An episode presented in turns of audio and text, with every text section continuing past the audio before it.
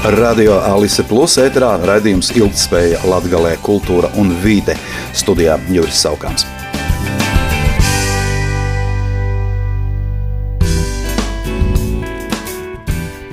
Veselības ministrijas izstrādātais rīkojuma projekts par nekustamā īpašuma pārņemšanu no pašvaldības Daugopils psihoneiroloģiskās slimnīcas paplašināšanai guvis atbalstu valdībā. Projekts paredz pārņemt valsts īpašumā Daugopils pašvaldībai piedarošo nekustamo īpašumu Siguldas ielā 24 un nodot to Daugopils psihoneiroloģiskās slimnīcas pārvaldīšanā ar mērķi uzlabot veselības aprūpes funkcijas īstenošanu slimnīcā, izveidojot jaunas telpas uzņemšanas nodaļai un stacionāram. 2021. gadā tika pabeigta Aknīstes un Daugopils psihoneiroloģisko slimnīcu apvienošana. Iestādē bija nepieciešamas papildu telpas, tādēļ ministrija vērsās pie pašvaldības ar lūgumu piešķirtai pašvaldības ēku Siguldas ielā 24, bijušo onkoloģisko slimnīcu. Domas deputāti lēma nodot īpašumu bezatlīdzības lietošanā veselības ministrijai līdz 2050. gada 31. augustam. Ēka gan vairāk nekā desmit gadus netika eksploatēta realizēta. Energoefektivitātes uzlabošanas pasākumu gaitā tajā tika nomainīti visi logi, ārdurvis, jumts, nosiltināta fasāde un bēniņu pārsegums, tomēr vienlaikus ir jāveic vēl virkne citu darbu. Kopējie plānotie līdzekļi energoefektivitātes pasākumu un telpu pārbūves realizēšanai ir 4 682 000 eiro vērtībā.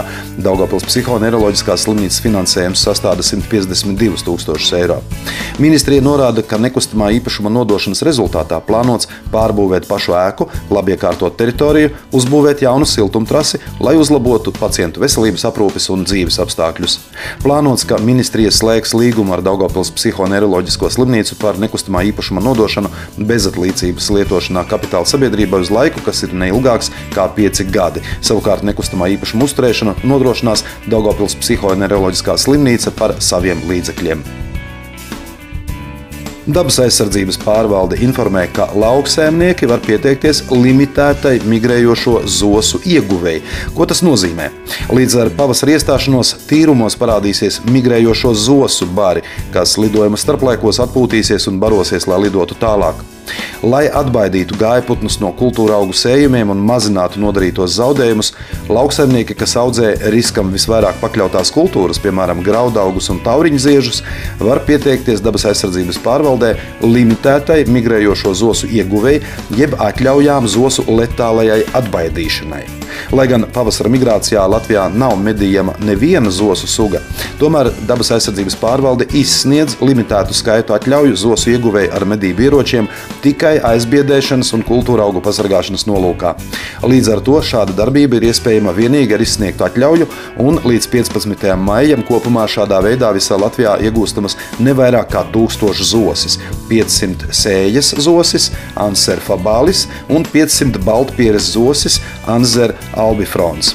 Letālu atbaidīšanu var veikt tikai diennakts gaišajā laikā, kad putni ir nolaidušies lauksaimniecības zemēs ārpus īpaši aizsargājamām dabas teritorijām, kuras ir veidotas putnu aizsardzībai.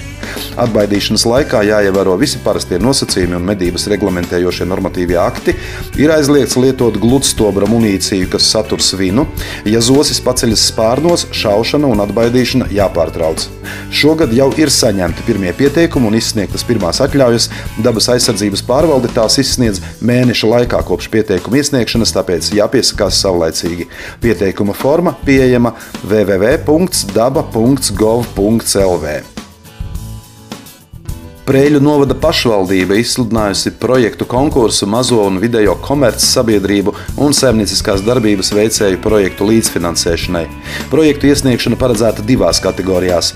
Mazajā var pieteikties uzņēmumi vai saimnieciskās darbības veicēji, kuri uz projekta pieteikuma iesniegšanu vēl nebūs sasnieguši viena gada vecumu, kā arī tie, kuri plāno sākt savu uzņēmējdarbību.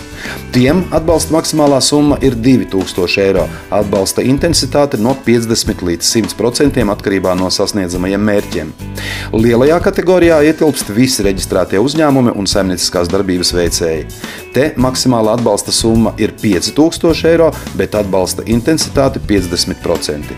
Projekta pieteikumus varēs iesniegt elektroniski no 3. aprīļa līdz 3. maijam. Konkursa mērķis ir sniegt atbalstu projektiem, kas saistīti ar uzņēmējdarbības, izņemot lauksaimniecību, attīstību un jaunu darba vietu veidošanos Prēļu novadā, radot inovatīvus ar paaugstinātu pievienoto vērtību produktus un pakalpojumus, kas veicinātu saimnieciskās darbības attīstību vai dažādošanu, lai attīstītu alternatīvus ienākumu avotus un paaugstinātu ienākumu līmeni Prēļu novada teritorijā. Gan Prēļu novada ilgspējīgas attīstības stratēģija, gan Latvijas un Eiropas ilgtermiņa strateģiskās plānošanas dokumenti lielu nozīmi piešķir ilgspējai, zaļajam kursam, digitālajai transformācijai un sociālās uzņēmējdarbības attīstībai. Šogad lielāka atbalsta intensitāte tiek piešķirta pasākumiem, kas skar sociālās uzņēmējdarbības veidošanu, uzņēmuma energoefektivitātes paaugstināšanu, ilgtspējīgu, uz klimata neutralitāti vērsto saimniekošanas metožu ieviešanu, tāpat digitalizāciju, bioekonomiku un aprites ekonomikas veicināšanu. Kopš 2018. gada Prēļu novada pašvaldība šādā veidā atbalstījusi jau 69 uzņēmumus. Kopējais finansējums, kas izmaksāts līdzfinansējuma atbalsta formā, ir 110 623 eiro. Daugopils pašvaldība nodevusi sabiedrības apspriešanai azartspēļu ierobežošanas noteikumu projektu. Sabiedrības viedokļa noskaidrošanai jau no šīs pirmdienas, 13. marta, līdz pirmdienai, 27. martam, saistošo noteikumu par vietām un teritorijām Daugopilī, kurās nav atļauts organizēt azartspēles, projekts publicēts pašvaldības tīmekļa vietnē. Noteikumu projektā paredzēts aizliegt organizēt azartspēles Daugopils pilsētas pašvaldībā vietās, kur azartspēļu zāles galvenā ieeja atrodas tuvāk nekā 100 metru radiusā līdz valsts iestādes, baznīcas un kulta celtnes, izglītības, ārstniecības, kultūras iestādes, aptiekas, pasta, kredītiestādes, sociālās aprūpes iestādes, daudz dzīvokļu dzīvojamās mājas, dienesta viesnīcas un sporta institūcijas ēkas ārējai sienai, kā arī tuvāk nekā 100 metru radiusā līdz parku, skvēru teritorijas vai zemes gabala robežai. Pašvaldībā skaidro, ka noteikumu mērķis ir ierobežot azartspēļu izplatību pašvaldībā, lai samazinātu no azartspēlēm atkarīgo personu skaitu un nepieļautu tā palielināšanos, tāpat lai pasargātu iedzīvotājus no spēlēšanas paraduma attīstības riska, kas rodas, ja piemēram dzīves vietas tuvumā atrodas spēļu zāle. Tāpat arī, lai mazinātu nejaušu iekļūšanu spēļu zālē vienkārši ejot tai garām. Azartspēļu un izložu likumā noteiktas vietas un teritorijas, kur azartspēles nav atļauts organizēt, kā arī pašvaldībai ir paredzētas tiesības izdot saistošos noteikumus, ar kuriem tiek noteiktas vietas un teritorijas, kurās azartspēles nav atļauts organizēt. Līdz ar to azartspēļu zāļu vietu skaits var tikt koriģēts atbilstoši sabiedrības interesēm, uzsver Daugopils pašvaldībā. Programmas LTG Tudu koordinātore Dagnija Dudarjonaka informē, ka Latvijas jaunieši deviņās nodarbībās varēs izzināt Latvijas kultūru vidi un sabiedriskos procesus.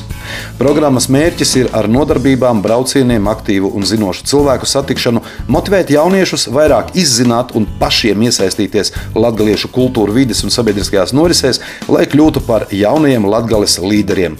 Piedalīties bez maksas aicināti jaunieši no 16 līdz 21 gadam, izmaksas, kuras varētu rasties un jāsadz pašiem, ceļa izdevumi uz aktivitāšu norises vietām Latvijā un Rīgā, klātienes nodarbību reizēs. Vietu skaits programmā ir ierobežots. Galvenais kritērijs atlasēji būs pretendenta motivācija un spēja piedalīties visās aktivitātēs. LTG Tudu paredzētas deviņas nodarbības klātienē un tiešsaistē. Tajās sarunu, uzdevumu, ekskursiju, diskusiju un praktisko darbu veidā varēs izzināt latviešu kultūru, vides un sabiedriskos procesus, iepazīties ar aktīviem cilvēkiem, apciemot uzņēmumus, mācīties latviešu rakstu valodu, attīstīt topošo līderu prasmes, kā arī praktiski iesaistīties latgaliskos projektos. Paredzēts, ka programmas lektoru vidū būs zīmola Latgalaktika attīstītājs, reklāmas speciālists Raimons Plats, Latacis, Europe Direct Dienvidu Latgale koordinators Oskars Zuģickis, Ausmeņa kebabs saimnieks Valters Murāns, tekstilmāksliniece Annele Slišāne, radiopersonība un influenceris Lauris Zalāns un citi. Šī programma ir viena no latgaliešu kultūras kustības volūda aktivitātēm, kuru šogad un nākamgad atbalsta Sabiedrības integrācijas fonds no kultūras ministrijas piešķirtajiem budžeta līdzekļiem. Pieteikties var līdz 26. martam aizpildot pieteikumu anketu vietnē e.uz flash LTG to do. Atklāšanas pasākums plānots jau 8. aprīlī Rezeknē. Jēkabils novada pašvaldības sociālajos tīklos ziņo, ka nedēļas beigās Jēkabili varētu sasniegt atkušņa ūdeņi no Daugavas pietekām. Monitoringa stacijās ūdens līmenis joprojām ir zems, pie zeļķiem tas nedaudz paaugstinās. Vižņi stājas pie melderiem Krustpils pagastā saistībā ar gaidāmo atkusni, augšpus Jēkabils daudzās Daugavas pieteku upēs izsludināts dzeltenais brīdinājums. Paredzams, ka šie ūdeņi Jēkabili sasniegs nedēļas beigās. Atbildīgie speciālisti seko situācijai līdzi kopš marta sākuma sākuma Daugavā pie zeļķiem ūdens līmenis pazeminājies par metru. Februāra pēdējā dienā ūdens līmenis bija sasniedzis 6 metru atzīmi, savukārt janvāra plūdu maksimums bija 8,6 metri. Augšpus pļaviņām Daugavā februāra otrajā pusē krājās vižņi, un ūdens līmenis pie zeļķiem cēlās par 3 metriem, bet marta pirmajā nedēļā, laikam kļūstot siltākam, vižņu iešana mitējās. Tiesības sargs neredz pamatu aizliegt publiski izrādīt neviennozīmīgi vērtētos mākslas darbus Daugopils Marka Rotko mākslas centrā. Ar šādu paziņojumu nācis klajā Tiesības sarga biroja komunikācijas un starptautiskās sadarbības nodaļas vadītājas vietnieks Edgars Lākutis. Tiesības sargs iepriekš bija saņēmis vairākus iedzīvotāju iesniegumus ar lūgumu izvērtēt Daugopils pašvaldības rīcību, liekot Daugopils Marka Rotko mākslas centram izņemt no izstādes nāvīga vēlme nonākt pēcnāvē trīs mākslinieka Sandra Raudsepa mākslas darbus. Arī pilsētas pašvaldība lūdza tiesības sarga viedokli. Tiesības sargs Juris Jansons skaidro, ka mākslas darbs var būt provokatīvs un var aizskart kādas sabiedrības daļas reliģiskās jūtas, kā tas ir noticis konkrētajā gadījumā, taču tas pats par sevi nenozīmē, ka šāds mākslas darbs nebūtu publiski izrādāms. Viņš uzsver, ka izņemot mākslas darbus no izstādes, netika ņemts vērā tās sabiedrības daļas viedoklis, kas labprāt vēlētos apskatīt šos darbus un kā jūtas tie neaizskāra. Ņemot vērā plašo rezonanci, ir acīm redzams, ka Daugopils pašvaldības rīcība aizskāra daudzu sabiedrības pārstāvju, jo īpaši kultūras un mākslas pārstāvju jūtas, radot bažas par mākslinieckās izpausmes brīvību Latvijā. Turklāt minētie mākslas darbi tika izstādīti speciāli tam paredzētā vietā, tika izvietoti brīdinājumi par ekspozīcijas raksturu, izstādes rīkotāji ievēroja pienācīgu diskrētumu, ņemot vērā ekspozīcijas specifiku un mākslinieks publiski izskaidroja ekspozīcijas mērķi. Krimināla likumā ir paredzēta atbildība par reliģiska naida vai nesaticības izraisīšanu, taču konkrētajā gadījumā nav notikušas darbības, kas liecinātu par šiem pārkāpumiem vai centieniem speciāli aizskart kādu sabiedrības daļu, piebilst Jansons. Valsts policija informē, ka pagājušajā svētdienā, pateicoties vietējo iedzīvotāju iniciatīvai, aizturēti trīs vīrieši aizdomās par nelikumīgām medībām Dignājas pagastā. 12. martā kāda vietējā iedzīvotāja izdzirdēja šāvienu tā sauktajā bezlīguma teritorijā, kurā medības nav atļautas. Pati būdama medniece, sieviete devās aplūkot šo teritoriju un pamanīja nošautu staldbrieža govi, ko šajā laikā medīt nedrīkst. Notikuma vietā ieradās trīs vīrieši ar transporta līdzekli un taisījās medījumu vest līdzi. Sievietes paziņas aizšķērsoja ceļu, neļaujot pamest notikuma vietu. Nelikumīgos medītājus aizturēja valsts policijas un meža dienesta pārstāvji. Dzīvnieks, kā izrādījās, bija paaugusies stalbrieža govs, kuras ķermenī atradās arī jauns embrijs, un tās pat labam medīt ir liegts. Par notikušo policijā sākts krimināla process un tiek aprēķināts arī nodarīto zaudējumu apjoms. Rēdījuma ilgspēja Latvijā, kultūra un vide to par Sabiedrības integrācijas fonda atbalstu Radio Alisa Plus studijā bija Juris Savkārs.